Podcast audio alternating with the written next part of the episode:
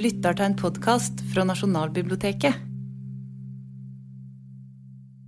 Vi er litt eh, heldige som i denne serien her har fått 1920-tallet. Eh, det eneste årtid der Norge har fått nobelprisen i litteratur to ganger. Eh, og Samtidig så er jo dette til to forfattere som eh, i alle fall tilsynelatende og på mange punkter fremstår som motpoler. Eh, både verdimessig, politisk og kanskje også litterært.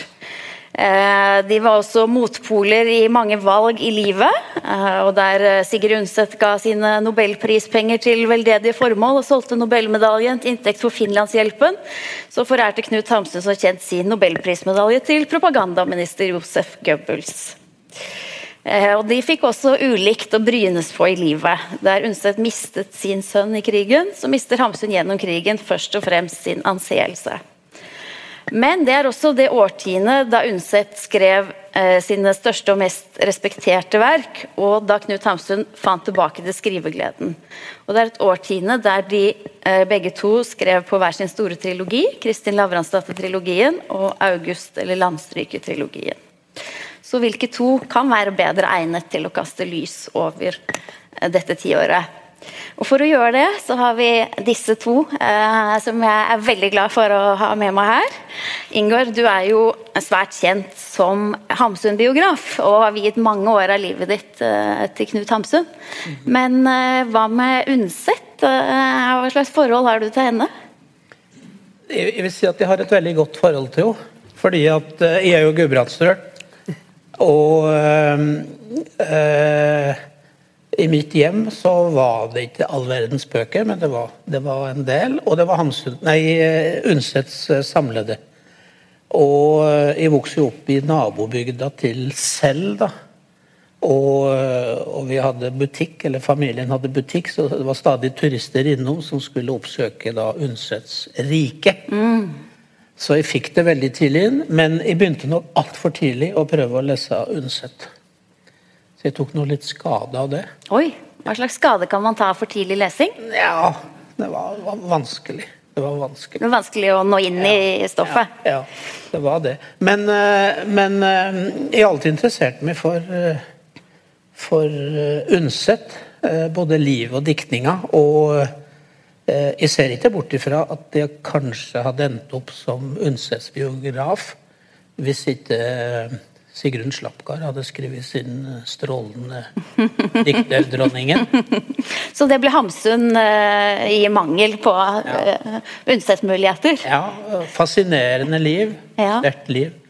Og uh, det er jo de to, pluss Ibsen, ja. som, som, står i en helt spesiell klasse med å ha nådd fram internasjonalt og uavhengig av nobelprisen. Mm. Så spennende folk å prate om. Mm. Hva med deg, eh, Vigdis? Mm. Når jeg leser bøkene dine, så tenker jeg ikke at det er opplagt at du er uh, mer inspirert av unnsendt enn av Hamsun, eller omvendt. Uh, hvordan er ditt forhold til disse to forfatterne? Nei, Hamsun har jeg hatt et liksom, sterkt forhold til. Um, ganske lenge. Så da jeg eh, skulle skrive hovedfagsoppgave i litteraturvitenskap, da skulle jeg, var planen å skrive om um, sulthelten som en typisk anorektiker eller bulemiker. Hans forhold til språket ligner på bulemikerens forhold til til mat. Overspiser, spyr ut, vil være avholden. altså Et veldig sånn ambivalent forhold til det. Et veldig viktig stoff da, som man er helt psykisk og fysisk avhengig av. Ehm, men, men, det ble aldri noe av. Da hadde jeg begynt å skrive selv. Så, er det første, så har jeg jo alltid visst om Undset, selvfølgelig, eh, og, og, lest den. Men det er først som sånn mer godt voksen at jeg har jeg tror nok jeg har, jeg har, lest innmari mye for å finne ut av egne ting. Og da kan dette med at det er middelalder om Ikke for å Eller for å sitere Ibsen, da, som sier at man skal lese ikke for å sluke, men for å se hva du kan bruke. Og da er det jo slik at jeg ikke har kunnet bruke så mye av det unnsett i min eget, mens der har Hamsun vært mer en direkte inspirasjon og stimulans. Men som nå, som godt voksen, så har jeg liksom fått veldig, veldig um, sansen for henne og stor respekt for henne. Og så skal man ikke se bort fra at hun har skrevet dem etter etter de to liksom, første moderne romanene har hun skrevet en bok som heter 'Vigalott og Vigdis'. Det la jeg også merke til. Eh, hennes første historiske roman deler du navnet med ja, en av hovedpersonene. Ja, hun Vigdis hun er så hevngjerrig. Ikke sant? Virkelig. Og Vig, det visste ikke jeg, men på, dette foregår delvis på Island og på 900-tallet. da. Vig betyr drap. Og vi, så det er Vigalot og Vigdis, det er drap i begge de to. da. Og Det er en veldig veldig liten interessant bok på vei mot middelalderromanene. Uh, så er det jo alltid sånn at Når man begynner å lese noen og du ser sammenhenger, så blir det mer og mer interessant. Så jeg har lest mye Undset faktisk de siste årene. Mm, og da er det middelalderromanene særlig, eller er det disse Jenny og fru Martha Aule, de tidlige Jeg er veldig, jeg har opptatt av veldig to av de, altså Begge de to har jeg vært veldig opptatt av. For hun er jo alle elementene. Tro, troen, forhold til skyld, skjebne, ansvar. Alle tingene er der. Og hun er bare 25 år når hun debatterer. Og det er så modent skrevet at det er imponerende seg selv. Pluss at hun i begge de to bøkene skriver om den uutholdelige eh, spissborgertilværelsen. Mm. Trivialiteten som hun lengter bort av. Og det, det, det, og det, er jo litt som min spesialdistanse, men hun er virkelig god på det. Og så kommer denne Vigarlot og Vigdis, hvor hun slipper unna alt som har med trivialiteter. Og når hun skal skrive at Vigdis dreper for å hevne seg, så går hun inn. Hun stakk kluten, bøyde seg ned og så på at han døde. Der er det ikke noe sånn oppvask og trivialiteter i det hele tatt. Og jeg tenker at må, Da hun har merket når hun har skrevet det, og fått ideene til middelalderromanen. Det er sånn jeg tenker. Men nå er, leser jeg alt det. Nå holder jeg på med den tilbake til fremtiden om hennes år i, i, i eksil i, under krigen. Mm. Jeg har lest om i en uh, debuten til Undset nå, og ble veldig eh, ja, rett og slett imponert. Mm. Hvor moderne den var. Mm.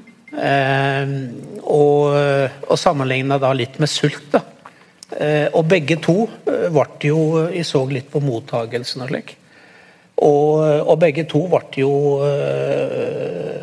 hudfletta av, kan du si det normale, det normale Undset Norge. Også. Ja, ja. Og det, både Undset og Hamsun på en mm. måte. At det var rabiat, det var, det var uh, usømmelig når det gjaldt Undset, og delvis også Hamsun med en del skildringer. Og, uh, og jeg opplever jo hvordan de store temaene i begge de to forfatterskapene er veldig til stede i debutromanene. Mm. Også samtidig så det kan vi prate mer om, men jeg føler vel også at den på mange måter forlater litt de, de store temaene. Mm. Ja, for det er jo liksom, Hvis man tenker veldig overordna, så tenker man jo kanskje Hamsun aller mest kjent tross alt for sult og for uh, hans modernisme der, og for det indre sjelelivet, mens Undset aller mest kjent for sine historiske romaner. Men det er jo som du sier at Jeg har vært min mann utro. Tro, ja. Skrive det da, det var, det var Vigdis hjort-format, altså. Ja, nei, ja. Jeg, jeg, jeg, tror vi kan si at det var mye, mye mye mer enn det. fordi ja. på den tiden, altså da, tross alt så var det, har jeg begynt å skrive etter 70-tallet og frigjøring, og man skulle provosere og sånn, men den gangen um, og, og, det er jo Men bare si noe som jeg syns er helt fantastisk med den romanen, for det, det er et trekantdrama. Og hun går innom dette, og hun angrer jo etter hvert, og hun vil ikke gifte altså, Jeg skal ikke dra hele den, men når hele tre, mannen er død, hun vil ikke gifte seg med elskeren så står det en scene som ikke egentlig behøver å være, som behøver å være der. For det har ikke noe med tematikken å gjøre. sånn, Så står det bare sånn. Og jeg tenkte på en gang da jeg var lærer på skolen. Så var det en av de små som var blitt dyttet ut i kjørebanen og ble overkjørt av en ølvogn som knuste hånden hennes. Og vi løp inn på lærerværelset, og vi tullet håndklær rundt henne for å stoppe blodet mens vi ringte på en lege. Og hele tiden så do denne piken, og så ville jeg si dra håndklærne vekk, dra håndklærne vekk. Jeg vil se hånden min, jeg vil se hvordan den ser ut. Sånn stopper den. Og Det er jo et credo for hele forfatterskapet. Gå helt inn der hvor det er verst og vondest, for å se hvordan det ser ut. da. Og den scenen i den debutromanen, helt på slutten, er bare fantastisk. Mm. Nå har vi liksom snakket litt om, om uh, vår tid, vi, hvordan, leser, hvordan, dere leser det i dag. Men hvis vi går litt tilbake til deres tid, da. Eh, Hamsun var jo en uh, stor, Norges største forfatter da Undset skulle slå igjennom som, som forfatter. kan vi uteske litt om hva de to sa og mente om hverandre, hvordan de forholdt seg til hverandre? Du som ja, er biograf, var, har den historiske oversikten. De unngikk hverandre. Ja. Jeg forska jo en del på det da jeg jobba med Hamsun. Mm. For de bodde på Bondeheimen begge to. Ah. Jeg hadde det liksom som hovedhotell uh, i Oslo. Mange og, forfattere har hatt det? Ja, absolutt. Og, og, um, og det, det verserer historier hvordan de uh, rett og slett uh, passa på at de ikke kom i spisesalen samtidig. Mm. Uh, og det er jo egentlig ikke så rart, da. Eh, både temperamentene, men også uh, Ja, der var, der var, Hamsun. Han var jo sky. Mm. Og, og Undset var jo ikke akkurat slik som slengte seg ned ved bordet til folk og begynt å prate. Så det var jo to veldig ja, nesten litt asosiale mennesker på hver sine, hver sine måter. Um, men jeg tenker på dem som det, Vi skal prate om det mye som er felles, men altså De er jo så forskjellige at, at eh, jeg foreslo jo i min tid, eh, da jeg drev med Hamsun-biografien, at eh, eh, altså Sedsteds plass mellom de Aschehoug og Gyllendal, mm. de to stores eh, forlag, eh, hadde jo Sedsteds plass. Oppkalt etter den største tjuven som eh, Uh, har vært i Norge. Hannibal Sehested, stattholder, stjal alt som var fra, fra den norske statskassa. Uh, og det hadde jo vært fantastisk hvis vi kunne kalt liksom Sigrid Undsets plass på Aschehoug-sida mm. og Knut Hamsuns plass på Gyllendal-sida, for å få fram altså disse her motsetningene og samtidig storheten eh, i dem. da. Ehm, så hermed det. Kanskje er det noen her som har mye makt og myndighet. Eh, men eh, det er jo ikke bare det at de var ulike og sto på hver sin side politisk. De eh, var jo også polemisk involvert med hverandre. Og lenge før det kom til andre verdenskrig, markerte seg som veldig ulike. Ja. Du tenker på den store, store debatten om, eh, om uh, mødre uten fedre, og hva som skjedde med Barn uten fedre, ja. ja. Uh, nei, altså Der Sigrid Undset var jo mor, og hadde jo mye bedre rede på det her enn Hamsun, sjøl om han var far. Og da var det jo eh, i en periode hvor eh, det var flere som var tiltalt for drap på barna sine. Folk som var i ja, stor, stor nød, da. Og, eh, og Hamsun han gikk knallhardt ut. Han ville henge.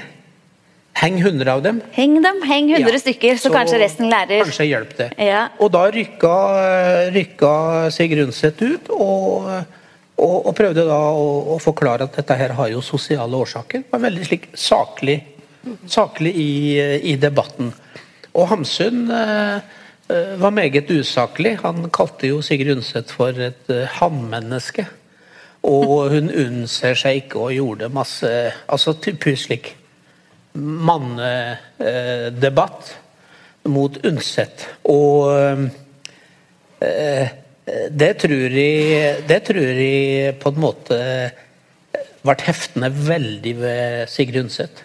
Du tror det? At på ja. den tiden så ja, var tror, hans tror, antifeminisme Nå ville man ja. kanskje tenkt at det heftet mer ved han, men den gangen Nei, men, nei, nei, men altså, jeg tror at, at uh, Nei, altså Da var jeg litt uklar. Jeg tror det at uh, da ga Sigrid Undset opp Knut Hamsun. Ja, nettopp. Altså, altså, Den mannen nyttet ikke å diskutere med. Mm. Så, så, om hun, hun hadde antagelig ikke noen oppfatning av Hamsun før det, hun hadde sikkert lest den. Eh, men, men, da tenkte hun at herregud, han er jo verre enn de fleste. Og, og det fikk hun jo bekrefta gang på gang på gang eh, videre gjennom historia, og helt da fram til eh, rettssaken etter krigen. Så det, er en slags, eh, det går et slags ekko gjennom eh, 20-, og 30- og 40-åra. Mens, eh, mens Hamsun var jo eh, positiv til, eh, til første boka, da. Og skrøt veldig av den. Og hadde lest den. Det er vel det eneste sitatet man har der. At eh, jeg har lest en bok, Kristin Lavransdatter, og den er eh, vidunderlig. Noe av det beste vi har Ja, i vår del av verden. Ja, det fullkomne vi- man kan tenke seg, tror Ja. jeg han, eh, han sa. Og det er veldig uvanlig til Hamsun å være, fordi at han, han koketterte jo med at han aldri leste bøker. Mm. Og, og var veldig forsiktig med å si noe positivt om andre. Mm. Eh, Særlig hvis de var levende. Men jeg hadde jo eh, kommet med nok av nedsettende karakteristikker av henne som person tidligere, da. Ja, det, det hadde. Men, men det er også interessant, og, og jeg måtte jo forberede meg i det her og lese om igjen litt Hamsun og Undset og alt mulig. Og, og det som er så egentlig veldig godt å registrere, er det at de er jo helt jævlige begge to som debattanter. De bruker jo liksom tømmerblyanten og hugg løs. Men når de tar de samme temaene og skal begynne å dikte, så er de så ømme og så nyanserte. Og, og Hamsun, han, han bruker jo han bruker jo stoffet fra den eh, debatten med, med barnemorderskene og setter den inn i en helt annen kontekst. Og, og det, det er liksom, Da er det en himmel over det. Og det, det, og, og det samme ser du med, med, med Undset, når hun har vært ute i debatter med kvinnesakstemaer. Hvordan hun behandler det på en helt annen måte i, i diktninga si. Og da tenker du på Markens grøde og hvordan eh, Ja. barnedrap er skildret der. Ja. Og der er det vel også sånn at Hamsun bruker direkte ting fra debatten og løfter det. Ja. Eh, sånn at andres synspunkter enn hans Ja, eh, kommer til orde. statsadvokaten på en måte være den han var, men en mye klokere og mer forståelsesfull eh, statsadvokat enn Hamsun var i debatten.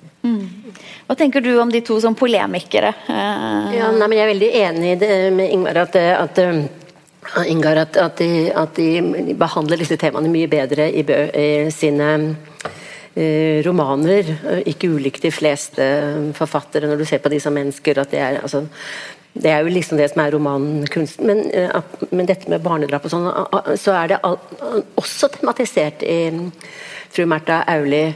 For der hun er veldig opptatt av Fordi hun har gjort seg skyldig i Hun har også fått et barn med bestevennen til mannen, ikke sant?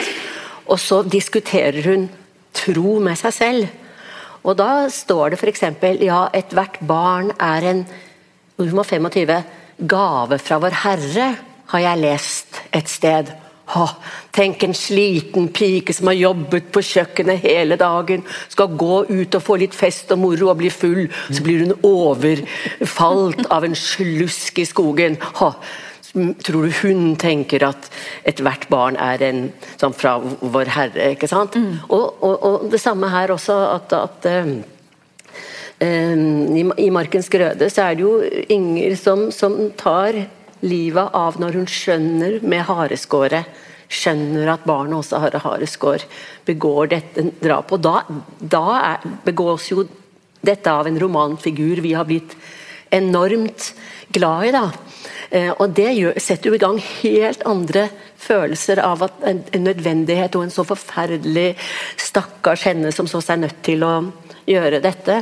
Og i forhold til det jeg før nevnte, i forhold til det med, med eh, det som er veldig spennende i forhold til sult, som jo, hvor, eh, hvor Andreas Tangen bare skriver og skriver og oppsøker skriveøyeblikket hvor alt ramler inn og det pøser ut av han og sånn. Så i, i Markus grøde er det akkurat som Hamsun på en måte De taler nesten ikke. Alt er stille, de sier nesten ingenting. Og når Inger kommer med hareskåpet opp den første scenen hun har hørt om denne ensomme mannen inne i skogen der, kommer og hun ja, 'Hvor skal du hen nå så sent på kvelden?' 'Jeg skal over fjellet.' 'Ja, du må vel vente til i morgen.' 'Ja, du kan få litt melk.' Og så står det 'Han ble grådig på henne og fikk henne'. Ingenting mer. Det skal jeg legge meg på sinne. Det går an å si det sånn. I motsetning til eh, de, Vigdis, så har ikke jeg klisterhjerne, så jeg må skrive opp ting. Det renner jo bare ut av dem. Lange sitater. Men altså, som en fortsettelse av det vi prater om nå, så er det jo veldig interessant, da. Eh, fordi at det Hamsun vil, er jo å beskytte både mor og barn. Altså livet er ukrenkelig. Eh, og jeg opplever at de etter hvert, i, når du ser på hva de debatterer utover i 20, eller 20-åra, så møtes de på en måte dette her at Sigrid Undset sier at eh, moderskap Å være mor er ikke et arbeid, sier hun i en debatt mot Katti Anker Møller. Moderskapet er livet. Og det kunne vært et sitat av Knut Hamsun, for han sier omtrent det samme i, i, i flere andre steder. Mm. Eh, og, og den blir jo på en måte, slik vi vil kalle det i dag, da, mer og mer De var radikale begge to. Og så blir de på en måte mer og mer reaksjonære. På hver sin eh, måte. Ja, med anførs, masse mm, mm, anførselstegn, sjølsagt. Og, og, der tror jeg det er et av de eh, områdene hvor de møtes. Mm. Og Særlig Synet dette med moderskapet er litt ja. interessant, fordi at eh, Hamsun var jo veldig opptatt av moderskapet som meningen, ja. ikke farskapet, moderskapet. Så han kalte jo en kvinne som ikke hadde barn, for en falskmynt av en menneskeetterligning. Ja. oi, oi, oi. og det vil si at, og der, jo, der ble de jo konservative begge to, fordi at han moderskapet var så heldig at man, man, skulle ikke drive med teater og skulle helst ikke gjøre noen andre ting. Og, og Undset forsvarte også moderskapet på en litt lignende eh, måte. Ja. Mm. Men dette med at hun ble kalt en mann, eh, det ble hun av flere. Hun var jo for, formann i Forfatterforeningen i flere år. og Hun ble bare kalt liksom sånn Kommer kongen? Kommer uh, høvdingen? Og hun ble også portrettert sånn som enormt mannhaftig. Ja, ja. uh, og det har nok noe med det å gjøre at hun, hun hadde en pondus som i sånn som Hamsuns øyne ikke kledde en kvinne. Mm. Nei. Det, det, det, er nok ehm, Det er nok riktig. Men sånn i utgangspunktet i den debatten der, hun ble kanskje mer på at moderskapet var hellig, men i utgangspunktet så prøvde hun også å sende ballen tilbake til Hamsun og si men uh, han som ærer de unge og livet og festen og vitaliteten, hva med disse mennene som også hadde frembrakt disse barna? Ja. Uh, og så kjente hun masse rykter om Hamsuns ville liv. Helt sikkert. Mm. Men, men det, er jo, det, er jo, en veldig slik fundamental forskjell slik jeg opplever mellom de to. Da. Også dette her med moderskapet. fordi at eh, Undset, både i liv og diktning, så, så, så, har jo hun veldig sterke mødre. Og hun bryter jo opp sjøl fra, fra, et ekteskap. Mens Hamsun er nok veldig tydelig på at eh, kvinnen skal være en tjenerinne. Hun skal tjene mannens uh, edle arbeid og mm. målsetting i livet. Mm. Så der tror jeg de også skilte veldig uh, syn, hvis de hadde sittet her i dag og prata om det her. Mm. Og at, at Undset den måten å være kvinne på, som en form for som erobrer stadig nye områder på en uredd og litt selvfølgelig måte, som var veldig forbausende på den tiden, så var jo det truende for alt det. Så jeg tror f.eks. hvis um, Marie og, og og Sigrid skulle liksom møtes, ville Hamsun si nei, det får du ikke lov nei, til. det, det... Eh, ja, ja. Så. Ja, og så er det jo 1920-tallet vi skal snakke om som titallet her. Eh, og de lagde jo faktisk hver sin trilogi i løpet av dette årtiet. Og det er ikke noe lite foretagende å, å ta inn over seg noe sånt. Er det, er det noe fellestrekk? Går det an å lese disse store trilogiene? Eh, opp mot hverandre. Kristin Lavransdatter-trilogien og August Landstryke-trilogien. Jeg syns at de er veldig ulike. Det er vel kanskje eh, i noe av disse at de er mest ulike. fordi Der hvor sult f.eks. er en sånn helt eh, altså når jeg leste den gjennom nå, så var det én ting som jeg ble litt flau over min unge lesning. Da vi er opptatt av dette med bulimin og anoreksi og det der. Fordi Eh, når jeg leste den Olaf Havrevolds veldig fantastiske NRK-innlesning, så skjønte jeg at dette handler veldig mye om fattigdom. Om reell sult, om ikke å ha penger. Altså, han, det er sånn at Du skjønner hvor forferdelig utsatt denne mannen var. Og Jeg har liksom vært opptatt av at han flørtet litt med det, men det, i den lesningen så er det sånn at jeg skjønner at dette her og, og, og tenk at så, det går mennesker rundt og er sultne på, denne, på den måten i dag. liksom Det er helt hjerteskjærende, den er jo se Mens, mens i mysteriet er jo litt mer sånn forførende. Så er jo eh, August-skikkelsen en, en, forfører. ikke sant? Og Hamsun elsker jo også forførere med, med, språket sitt og lager sånne er luringer og Rolandsen i 'Svermere' f.eks. Altså, han lager sånne forførende skikkelser som forfører med språk og historier. og ikke sant? Han, eh, August som har vært i liksom, for misjonær har du vært misjonær, liksom? Hvorfor slutt... Ja, ja, om, fikk du omvendt mange? Ja, ja, mange, liksom. Eh, hvorfor sluttet du da? Nei, nei, jeg gikk opp for patroner. Ja, skjøt du dem? Ja, de gjenstridige. Ikke sant? Det er den type Mens, det i, mens jeg opplever i, i Kristian Lavransdatter-trilogien at Undset på sitt beste baler med de største spørsmål. Altså med et stort, stort alvor i forhold til kjærlighet og, og, og svik og bedrag, og hva som driver menneskene. Eller sånn en overskrift som mer enn dette med at hjertene aldri forandrer seg, så syns jeg liksom en overskrift på den triologien kunne være, liksom, som gjelder fremdeles i dag, 'Hvordan leve sammen' rett og slett. Mens der er, mens Hamsun med sin triologi eh, Landeveis er jo ute på å forføre leseren og kvinner og det hele. ikke sant? Nå har jo uh, Vigdis gitt en veldig god synes litteraturvitenskapelig eh, beskrivelse av disse 20-årene. Uh, jeg har jo mer en slik biografisk tilnærming. og det som slår meg, er det at 20-årene var helt slik avgjørende for begge to. Altså, Undset brøt opp fra ekteskapet, flytta til Lillehammer, etablerte seg som en selvstendig kvinne og gikk løs på sitt hovedverk. Og klarte det helt utrolig med to, etter, hvert tre unger. Hamsun eh, brøt opp fra Nord-Norge. Den drømmen falt i grus. Og etablerte seg da som eh, en slags godseier på Sørlandet.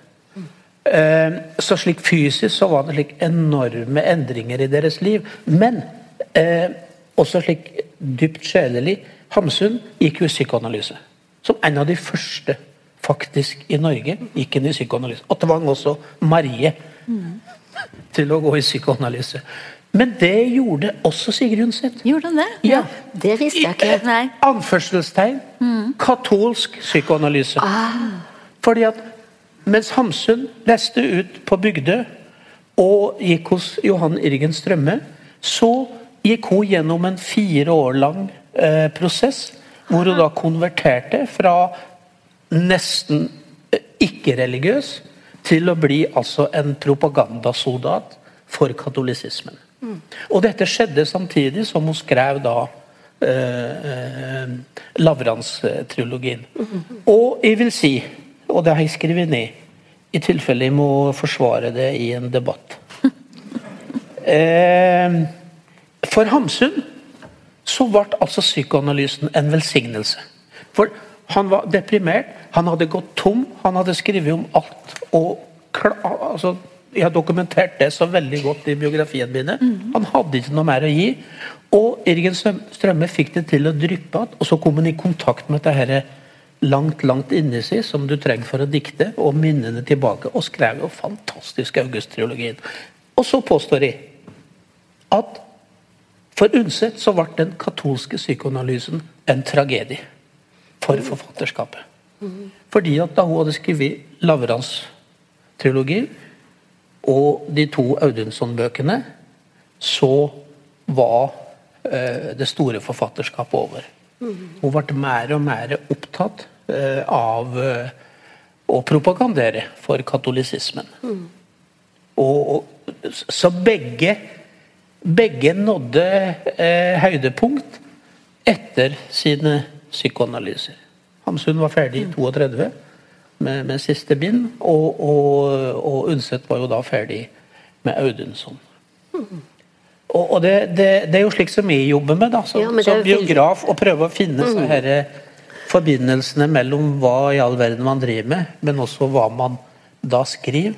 Men er den, altså Nå blir jeg veldig nysgjerrig på den katolske psykoanalysen. Ja, jeg Er kaller det ja, det, da. Ja, men, men vet du hva det bare litt hva det går ut på? Er det en form for sjelesorg, altså samtaler om problemer, eller er det innlæring i Det går, så vidt jeg har skjønt. Jeg har ikke prøvd det. Men jeg har jo prøvd å lese litt om det. Var ikke Så- reklame for det, du heller. Her sitter du med en ekspert på psykoanalysen, vet du. Så. Ja. Eh, nei, så vidt jeg har skjønt altså, Dette her foregikk i fire-fem år. Og det endte jo da med at hun eh, ble høytidelig tatt opp som, eh, som, eh, som en slags eh, sivilnonne, eller heter det noe annet. Og da hadde hun gått igjennom en veldig lang prosess med eh, læring, samtaler med eh, katolske foresatte osv. Og, og, og det er klart at eh, dette her må jo ha grovet veldig dypt i Sigrid. Og, og det pågår mens hun skriver de her to store eh, eh, verkene sine. Og når hun er ferdig med dem, så begynner hun å utgi eh, eh, Gymnadenia. Og hva heter den fortsettelsen? Eh, noe med fest. Jeg har det skrevet et sted.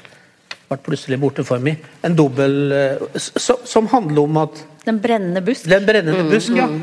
Altså, altså, det er katolsk propaganda. Og det ble også tatt imot som det da det kom. Alle var fryktelig skuffa.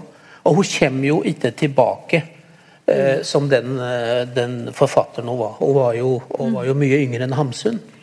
Er du enig i det, Vigdis? At det er slutten på Ja, ja, det er- Kvaliteten på forfatterskapet? Ja, det er jeg enig i. Altså, Det er jeg liksom enig i. Og det er vel kanskje noe av det som er er vanskelig. Altså at det som åpenbart har drevet henne, for disse trosspørsmålene er veldig viktig, i, i, særlig i fru Martha Auli, men også i i Jenny, og også og dette med synd f.eks., og hevn, en del sånne um, som har, har religiøse konnotasjoner i, også i, før middelalderromanene. Og at det at hun egentlig utforsker disse begrepene som mennesker må forholde seg til. For det er jo ingen som går gjennom livet uten å gjøre fatale feil og lurer på var det min skyld, kan jeg få tilgivelse for det, hvordan skal jeg gjøre bot for det? altså Alle de tingene som hun bruker enormt mye Som hun utforsker da i disse viktigste middelalderromanene. Men når hun da på en måte uten at Jeg visste jeg visste jo at hun konverterte, og sånn, og vi har jo sånne historier om at hun, at hun på en måte liksom Etter et heftig nachspiel så gikk hun på messe. ikke sant? Men, men eh, hvis hun har falt ned og vært helt sikker på et standpunkt, så er det klart at da er det noe av det du leter etter svar og utforsker i bøkene dine, som kanskje ikke du har, Da har du liksom funnet svaret, på en måte. Så det, I hvert fall så er det et faktum at de, de siste de romanene etter det ikke er like rike. Det tror jeg litteraturvitere flest er. Altså Når de leser de andre med interesse, så er det for å se opp mot de store verkene. Eh, ja, eh, men, men Ja. Nei, eh, ja. Men, men eh, Jeg har prøvd, da, før dette møtet, og så, og så liksom finne en slik En slags uh, karakteristikk av de to forfatterskapene. Uh, og da generaliserer man jo selvsagt. Men altså, uh, hvis man skulle gjøre det, så vil jeg si det at at, eh, at, at Sigrid Undset hun beskjeftiger seg med samliv og konsekvensen av samliv. Mens Hamsun han beskjeftiger seg med mannens drømmer og ønsker om samliv, og så skjer det seg hele tida. Eh, altså, hun har mye mer fokus på at det er to mennesker, og, og det er barn, og, og, og det er familie, og det er slekter. Så hun er jo mye det er jo mye mer å lære av Sigrid Undset. da. Mens, mens Hamsun driver jo på, på sett og vis gjennom hele forfatterskapet med disse eksistensielle desperadoene sine. Og, og alt det rare de, de drømmer om å få. Så, så øh, så jeg husker at de, de drev og skrev på Hamsun, så øh, Jeg har, har jo to døtre, og da begynte de å bli slik at de skulle begynne å lese litt. Og da sa jeg at dere må heller, dere må, heller må, dere må lese Kristin Lavrans-bøkene. Som, som, kvinner, altså som på en måte mennesker for å lære noe. Jeg hadde ikke ei bok jeg sa at de burde lese. Mm. Uh, for på en måte altså bli gangs mennesker, da. Mm. Men samtidig er det jo den fantastiske litteraturen til Hamsun. Mm. Uh, så ja. Men det er vel derfor jeg er i analysen at jeg sier at en overskrift over Sigurd Undset kan si 'hvordan leve sammen'. Ja. Men det var jo Hamsun aldri interessert i. Det er hvordan bli best mulig forfatter, hvordan utkonkurrere de andre, hvordan erobre uh, verden. ikke sant? Mm. Og det som er veldig interessant, er at når han da går tørr um, før, eh, før, krigen har ikke skrevet noe på, på, på lenge, bortsett fra liksom den begynner å ta sånn statsmannsspråket til seg. da, Begynner å bli sånn sånn Dere skjønner ikke deres eget beste, landsmenn, nå må dere høre på, kommer jeg om kloke vise ord og sånn. Og så blir han da intonert på dette hjemmet og vanæret og svarer strekkede sjelsevner. Og jeg bare ser for meg Det er liksom han Ha-ha-ha, jeg skal vise Varis strekkede sjelsevner! Og så skriver han da det siste mesterverket. ikke sant? Så det han, det han man skulle av og til lure på om han med vilje lot seg på en måte trenge opp i et hjørne, for da kom skaperkraften tilbake. Så han skrev jo best når han hadde det verst. Mm. Men det virker det som nesten Sigrid Undset gjorde òg. For det, mm. altså, det, det er vanskelig Sjøl for en mann så, så klarer jeg å leve meg inn i hvordan det var altså i 1919 bryte opp fra et ekteskap med tre av hans unger, to egne pluss et tredje i magen, reise til Lillehammer og vite at orker ikke lenger. I ofrer meg for å skrive bøker. Det får gå som det vil. Eh, hva, altså hva slags eh, og, og, og, og, hvor vanskelig det her må ha vært. Og så setter hun altså i gang. Mm. Med det vanskeligste man tenker seg. Mm. Jeg, jeg, leste jo eh, om i en Sigrun Slapp, Slappgards bok nå om, eh, om Undset. Altså hvordan hun, hvordan hun altså jobber så vanvittig med å skaffe seg kunnskap. Mm. Og det er også en veldig stor forskjell på Hamsun og Undset. Ja, Sigurd Undset lette etter kunnskap hele mm. livet og mm. syntes det var en dyd. Hamsun var jo en sjarlatan mm. når det gjaldt kunnskap. Han, sa, uh, han, sa, han uttalte i Amerika til, uh, i et selskap at uh, jeg leser ikke bøker, jeg bare blar i dem, og så får jeg alt inn. han orker ikke å, han orker ikke å tilegne seg kunnskap. Uh, så, så, så, jeg tror nok at, at Lavransdatter-bøkene var til under kanskje den vanskeligste perioden mm. i Sigrid liv. Mm. Ja, det er sant. Det er tankevekkende, faktisk. ja. ja. Mm. Det er jo mange som kan skape under, eh, nettopp under press. Eh, men samtidig så er det jo liksom dere sier at de har veldig ulik måte å være i verden på. Eh, Sigrid Undset tar den kollektive rollen, er formann for Forfatterforeningen. Samler de andre forfatterne til underskrift mot Knut Hamsuns politiske ståsted, mens han nærmest nærer seg av det å stille seg på utsiden og skrive nekrolog over Hitler når det er et sosialt selvmord i Norge. Mm. Ja, det er riktig, det. Så Der har de vel litt sånn ulik eh, dynamikk i psykologien, men samtidig er det noe med at de også er veldig meningssterke. og holder, Den ene holder voldsomt på Tysklands side og hater englendere, og den andre tvert imot. Ja, Men Hamsun altså, Jeg opplever Sigrid Undset hun er jo et pliktmenneske. Hun gjør plikta si overfor familien, overfor Svarstads uh, unger Eh, hun gjør plikta si i Forfatterforeningen. Hun reiser rundt og propaganderer for katolisismen. Eh, hun gjør altså så og, og, og, og, det dukker stadig opp historier om hennes veldedighet som har skjedd i skjul. Jf. Mm. Karin Sveens mm. utrolig flott artikkel mm. i Klassekampen i vår, hvor hun forteller om det fra, fra Hamar. Eh, mens Hamsun, han var jo en vet, altså, han var jo en slags sosiopat. Altså, han, han, han, var jo han var ikke opptatt av samfunnet og plikten. og og fordrev ungene sine. Mm. Men det som er jo helt sånn forferdelig, og ikke paradoksalt, da, men eller hva skal jeg si men det er jo, man har mye mer lyst til å leve sånn som Hamsun. da, Ikke misforstå meg med fascismen og nazismen og sånn, men det er jo noe med at ikke sant, pliktmennesket Undset blir jo litt sånn da veldedighet, gjør alt riktig på alle mulige måter. ikke sant? Mens Hamsun var gæren og liksom uh, holdt på å reise sånn, ikke sant? Som liksom reiste gjennom Kaukasus. Du får lyst til å på en måte Det er derfor det er liksom sånn veldig morsomt å lese um, hans biografi. ikke mm. sant? Fordi det blir liksom Og fattiggutten som nettopp da kom seg fram. Det er en annen og eventyrlig reise, selv med veldig mange slagsider. Men det også blir jo liksom spennende. Og, og det er nok noe av det som også har blitt sittende igjen i, i, i Som gjør at man litt glemmer disse tidlige, veldig moderne, grensesprengende bøkene til Sigrid Undset. For pliktmennesket som har gjort alt riktig gjennom hele livet, har befestet seg hos oss, og ikke med urette, men vi glemmer det. Altså Når hun skriver 'Jenny', som handler om en som reiser til Roma for å bli kunstner, eh, blir forelsket under Afrikas, nei, Afrikas eh, Italias, Romas eh, liksom lys og blomster og kirker og sånn, i Helge Gram. Og så kommer hun hjem, og så oppdager hun at Helge er kjedelig. Men blir da sammen med hans far isteden og bidrar til at ekteskapet går i stykker og blir med barn. Og så dør barnet, og så reiser hun tilbake, og så kommer da Helge, og så kommer Helges far og en annen venn, og så dreper hun seg.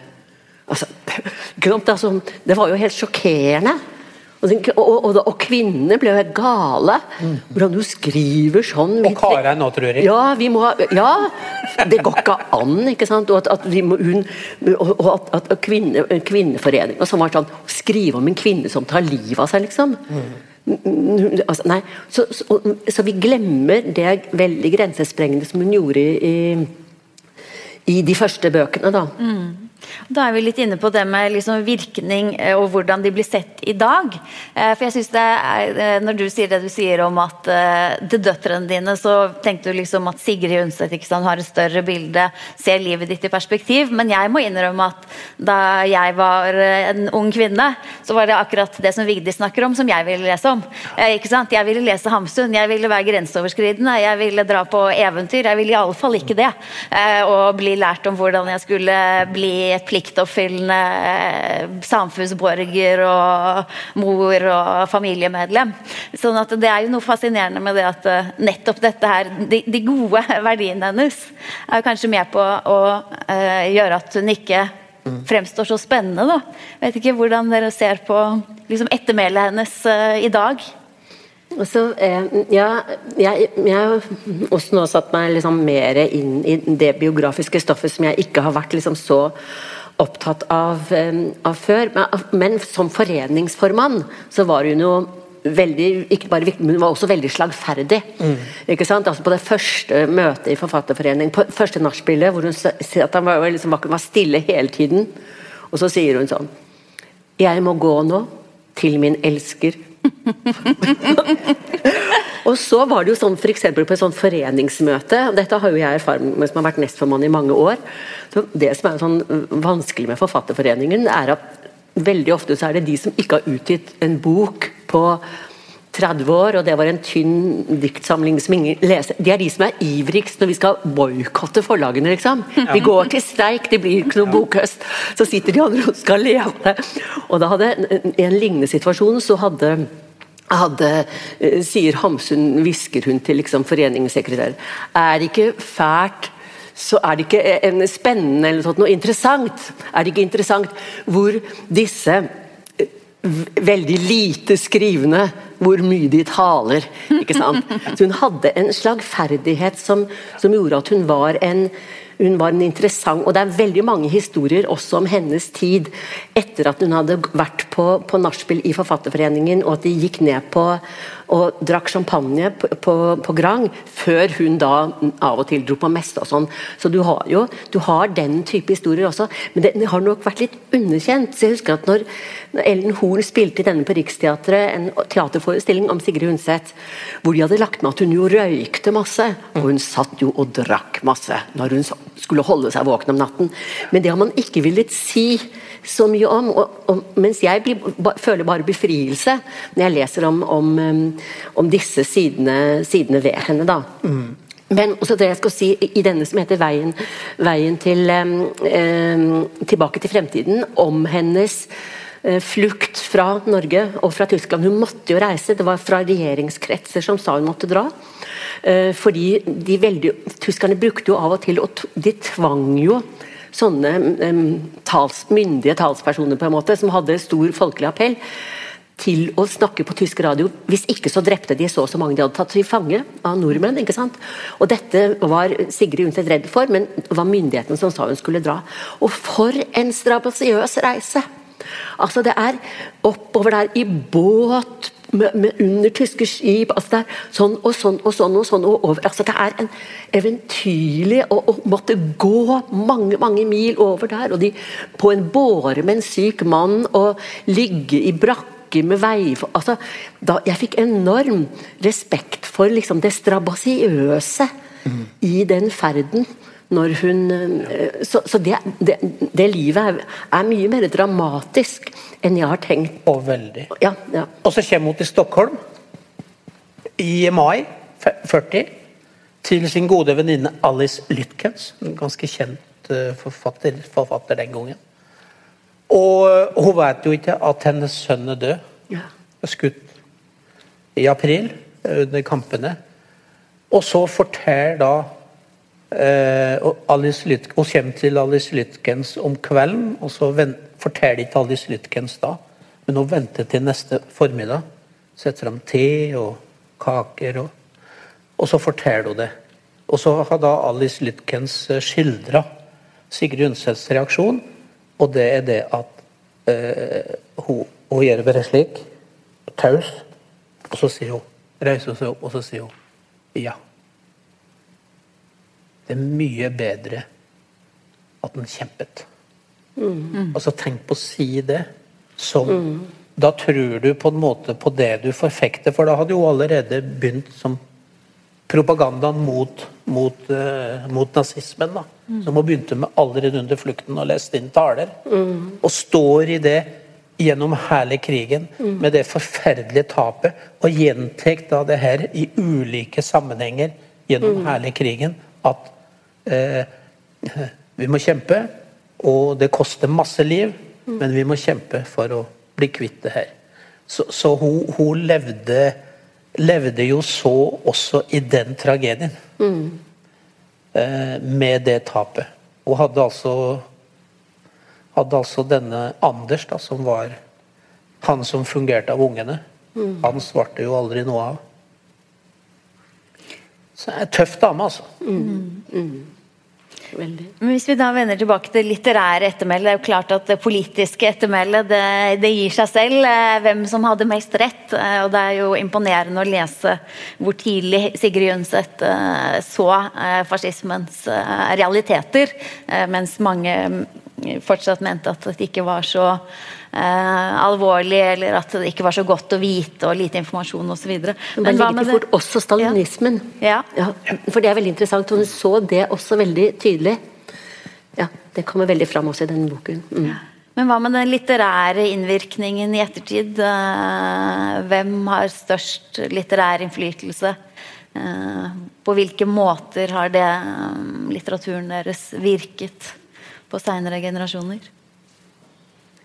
Ja, ja altså eh, Det er jo ingen tvil om Det er jo, det er jo Ibsen, Undset og Hamsun som, som, står i en helt spesiell klasse internasjonalt av norske diktere. Eh, eh men men eh, Undset, i motsetning til Hamsun og Ibsen, på hver sin måte så forandra de verdenslitteraturen. Eh, sult og mysterier står fortsatt på pensum rundt omkring i verden når du skal studere litteratur. Fordi at det er fortsatt noe av det mest moderne som er skrevet 120 år etterpå.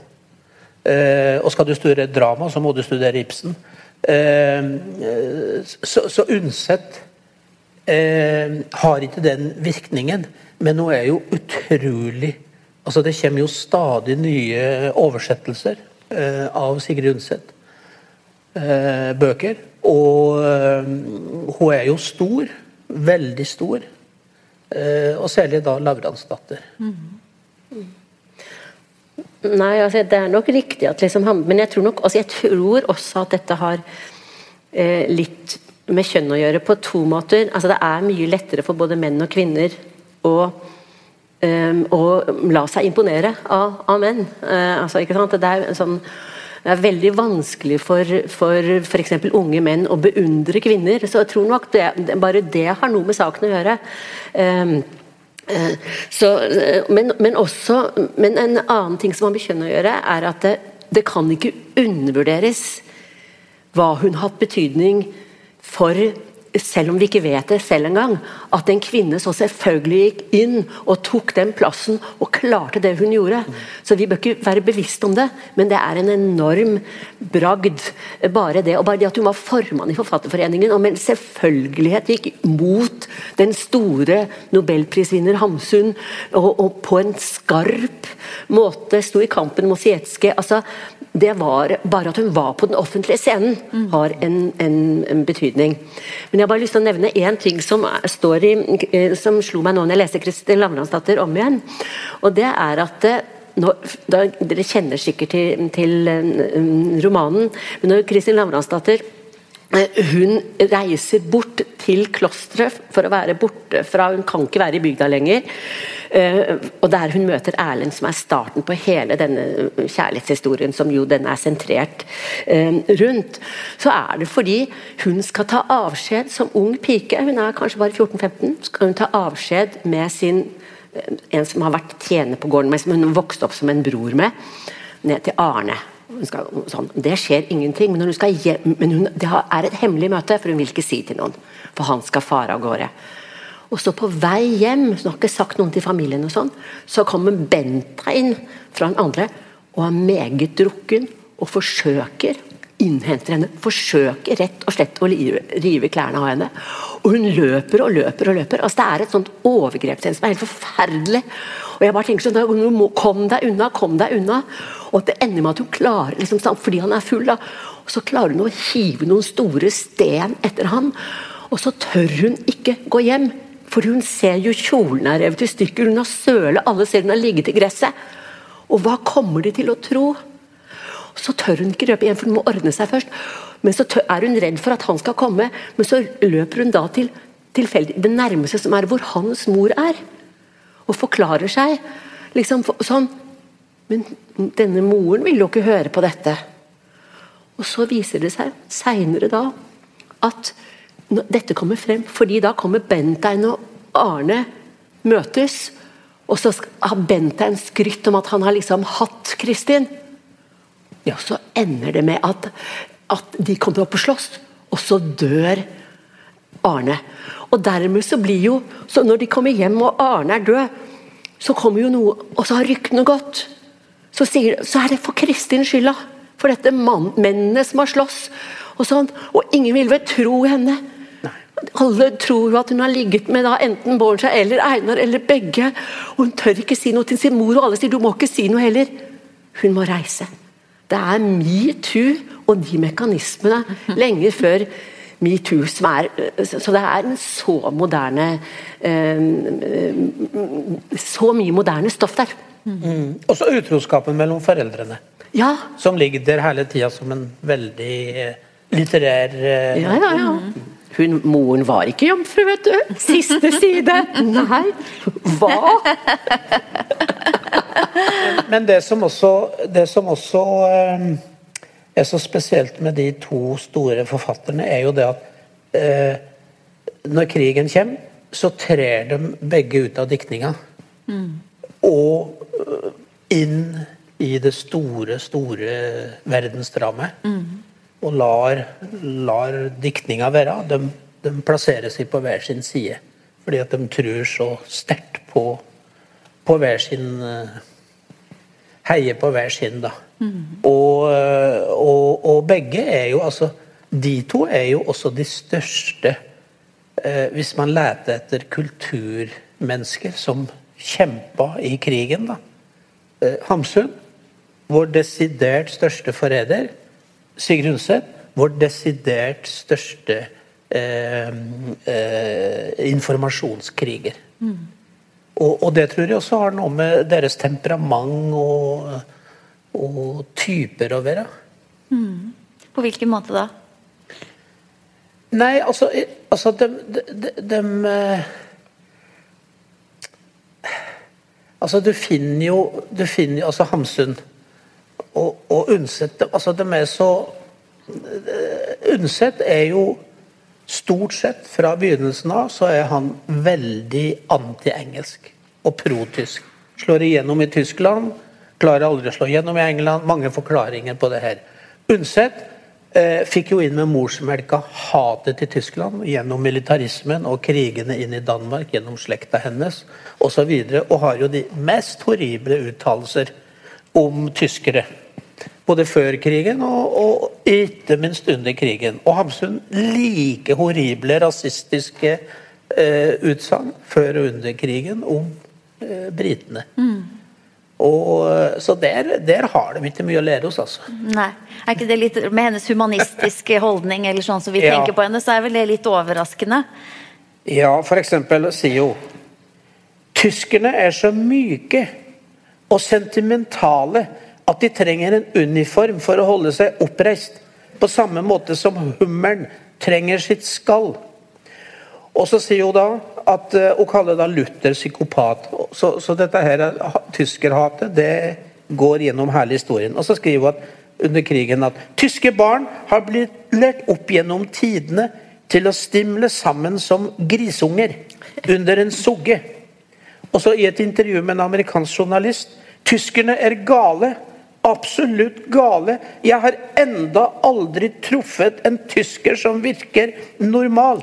Og så kommer hun da med konklusjon i et stort intervju i en amerikansk avis. En nasjon som i krigstid hengir seg til å drepe sivilbefolkningen, må utryddes. Så, så det, det, er voldsomme krefter i sving hos disse to menneskene. altså. Eh, som ikke bare handler om dikterisk temperament, men også at de vil opp på verdensscenen og forandre samfunnet. Og, og, og, dette her med antipati, sympati, er voldsomme krefter hos dem, tror jeg. Og så blir de så mye mer nyansert når de dikter. Mm. Mm. Men, men, det er jo litt mer forståelig, tenker jeg, med altså, unnsett selv om man ikke altså, det, man, man, må holde litt sånn prinsipper fast. Men jeg har blitt utfordret noen ganger. Jeg har vært veldig liberal i forhold til f.eks. For å ha noe som heter Knut Hamsuns plass, apropos det du nevnte med Seets plass osv. Men, jeg, men så, som veldig ung så møtte jeg da Ebba Haslund. Ja. Og mannen til Ebba Haslund satt på Grini. Mm. ikke sant? Og det var veldig interessant fordi jeg driver litt med broderi, og så skulle disse utstilles liksom som et sånt morsomt i forhold til Thorvald Moseid, bare som sånn kuriositet. Men i den forbindelse så fikk jeg greie på at Arnulf Øverland broderte en, bok da, nei, en duk da han satt på Grini. Den er på Grini-museet, og jeg fikk lov til å låne den. Og da han som drev Grini-museet, satt selv på nesten 100 år, satt selv på Grini som 17-åring. Men når jeg så den duken med de sting, det ble så det ble så konkret. Mm. Som han hadde sittet og laget. Og så fikk jeg da se nummeret som Øverland av fangene. Han var en av de aller første de tok, sammen med Harald Grieg. Og tenk at Hamsun sitter og ser at hans egen forlegger at Norges største liksom, dikter, Arnulf hans kolleger, blir satt i fangenskap. Og så fortalte denne mannen som satt på Grini selv, at ja, men Hamsun Og dette, dette er interessant for meg om du visste. visste for jeg har ikke lest det, i, men nå har ikke jeg lett etter den type ting i, i din biografi. Eh, men han skriver om at Hamsun kom for å snakke til oss. Hva? Ja, for å snakke oss til rette. Hva, ja, men hva sa han? Sånn, det var jo ingen som hørte. Vi bare sånn mm, mm. Men han var der. Og det blir også enormt konkret. Og da, da blir jeg sintere på Knut Hamsun enn jeg egentlig hadde vært før. Ja, men det er ikke riktig. Det er ikke riktig, nei. Det er feil. Ja, det, Den kan ja, de- den for jeg kan ville de- tro det. Den kan de bestemt ja. ja, avlive. ja nettopp. Og- Mange rare ja, historier. Men ja, han har ja, gjort så mye fælt at det er mer enn nok. ja. Det er mer enn nødt til å ta av. Men, men jeg Men han prøvde jo å få frikjent eh, Ronald Fangen. Ja, ja da, ja da. først, Ja, det vet jeg. Og som da var formann. Men bare det at man tenker på at de som har opplevd det sånn at de har fått helt personlige tap, Ja, ja, ja. har mer investering. Så at, at det sinnet der, at man ikke klarer å besinne seg, men går ut og er litt mer forståelig for når man har opplevd den type tap, da. Absolutt. Absolutt. Men det er noe slik Det er noen slike slags fundamentalistiske krefter i begge to. Som eh, og, og er også ganske krass hos Sigrid Undset når, eh, når hun er i debatt om kvinnesak etter hvert. Eh, Men kanskje ikke det er så bra å bli så berømt og hyllet som disse Nei. to blir, fordi at det, man kan bli litt for sånn Du må sikker på passe seg deg, selv. Vigdis. Ja, Jeg skulle til å si det samme. Ja, nei, nei, men jeg, jeg, passer meg veldig for det. Jeg har sånn bestemor ikke, ikke gjør det for bra, Vigdis. Ender opp som um, ja. Ja, nå ser jeg at tiden er i ferd med å renne ut for oss, så vi må runde av. Men, eh, Vi fikk ikke prate om Nobelprisen. Vi har ikke snakket om eh, Nobelprisen og begrunnelsen for det. Skal vi ta det kort? Altså, det var jo eh, en pris som eh, Alfred Nobel lagde for at den skulle gå til den forfatteren som hadde bidratt med mest i idealisk riktning. Altså noe, et bidrag til verden da, i, i ideell retning. Hva det betyr, har jo vært mye tolket. Um, men de fikk jo hver sin nobelpris med hver sin eh, begrunnelse. Um, og begrunnelsen for Hamsun, det var jo da han er den, en av få som bare har fått det for én bok. For det mesterlige eh, verket 'Markens grøde'. Mens de på en måte så bort fra resten av forfatterskapet. Mens Sigrid Undset hun fikk det for sitt eh, bidrag til å forstå middelalderens eh, tankesett og verden. Hva tenker dere om disse begrunnelsene og liksom Nobelkomiteens eh, eh, forhold til det idealiske hos disse forfatterne? Ja, jeg kan, jeg kan si litt om det, fordi det forsker jeg en del på. Altså, eh, inntil Hamsun Hamsun ble jo nominert for tredje gang, og til slutt så var det sekretæren sjøl, Carl Felt, som nominerte den. Fordi han ble avvist av en del toneangivende fordi det var ikke idealistisk nok. Så satte de ned en komité, og, eh, og den ville ikke gi den i komiteen, som måte innstille til hele akademien. Og så var det da formann, som het Gjerne, som var litteraturprofessor. Han leste statuttene veldig nøye. Og det forandra hele nobelprisutdelingen. Og, og, for Det hadde vært et kjempeproblem. at Det var ikke bare det at Ibsen og Sola og øh, Gorky osv. ikke fikk nobelprisen fordi de ikke var idealistiske nok. Men de brukte jo også det her idealistiske begrepet for å hindre folk å komme inn i akademien. Og dette ville man jo ha slutt på, de som var litt moderne. Og så leste de statuttene og fant ut at de kunne tolkes på den måten at man måtte slutte å lete etter eh, Man måtte konsentrere seg om de estetiske verdiene i litteraturen, og ikke ikke, ikke moral og politiske holdninger og slik i forfatterskapene. Så Hamsun, og det fikk man igjennom, mot mot, mot eh, flere Hva heter hun kjent, svenske nobelprisvinner? Selma Lagerlöf. Selma Lagerlöf var sterkt imot. Ja. Men da ble det et vendepunkt i litteraturprisen. Fra da av så så man bort fra det her med idealistisk. Eller idealisk, som det står. Så det var veldig viktig. Var det en god uh, utvikling, Ja, eh, Ja, det, det tror jeg er en veldig god altså for Hvis vi ser i ettertid, så var det jo ikke Bjørnson som skulle fått den, men Ibsen i Norge, hvis du skulle snakke om, om, om litter, litteratur. Um, så det er jeg helt, eh, helt enig i. Men kan du bare fortelle, avslutte med å fortelle liksom, etter sigende, da. Dette kan kanskje du også av, avkrefte. Men eh, historien går som sånn at på Hamsun under nobelprisarrangementet Han drakk jo veldig mye, og han sier jo at han hadde mistet sjekken og paralala. Men så skal han ha, for da var jo Selma Lagerlöf som fikk den i 1909, eh, som den første kvinnen, var jo der. Eh, og så tok Hamsun Hun var jo lesbisk, jeg vet ikke om Ha- Hamsun visste det eller ante noe om det, men hun, han tar og liksom klasker henne ganske bedugget på rumpa, så det sang. Og så sa han det lyder, hør, det lyder som en kirkeklokke. Jeg hørte den historien, men jeg, jeg klarte aldri å bekrefte den, men kan være sann. Ja, ja. Han, eh, det er ingen tvil om at han ble meget beruset. Ja, ja. Men, da, men han, var ikke dannet på den måten som Sigrid Undset var fra barnsben av. Det var nok riktig. Eller et, en viktig forskjell også. Selv om han prøvde alt han kunne med sitt store hus og sine store møbler, og sånn, så var det, hadde han ikke dannelsen under huden på den måten som Sigrid Undset var med sin arkeologfar og osv. Men, men eh, nei, helt enig. Det var, det, var, det var en av de grunnleggende forskjellene. Men jeg har ofte tenkt på, eh, og særlig nå når jeg skulle forberede meg her Hvis jeg skulle på en måte tilbringe resten av livet sammen med en av dem, i levende livet Hvem skulle skulle det være? Da Ja, tar vi det raskt raskt ja, men du, Jeg har ikke klart å bli enig med meg sjøl. Fordi at eh, slik umiddelbart ville tenke Min mann er Hamsun. Mm. Fy faen, kjempeartig. Sant? Finne på så mye gærne ting. Sigrid Undset sitter bare mutt, men altså Nei, Hun jeg- jeg sitter, er- gjort det, vet du. Er ikke sant? Det, det er så kjempeenkelt. vanskelig å bestemme seg. Nei, jeg ville tatt Sigrid Undset. Du ville sagt Ja, jeg Sigrid hadde ikke Og det? orket å tilbringe tid med den selvopptatte Skulle man snakke om han hele tiden? Tror du det? Ja, men med Jeg Sigrid Undset kunne jeg jeg tror snakket hun hadde interessert seg for det. Ja, og skulle ha det i tillegg! Nei, nei, nei. Unnsett, kunne jeg diskutert eh, den, den katolske psykoanalyse, hadde vært veldig interessant. Ja. Ja, interessant. Ja, jeg, jeg er ikke sikker, altså. Nei. altså eh, det- Men du er mann, ikke sant? Det er- Dere Ja, vil men det kan godt hende jeg er ja. på Undset, fordi at Ja, ja. Uh, hun er så eh, utrolig eh, interessant. Vigdis velger seg Undset uh, som samtalepartner for livet.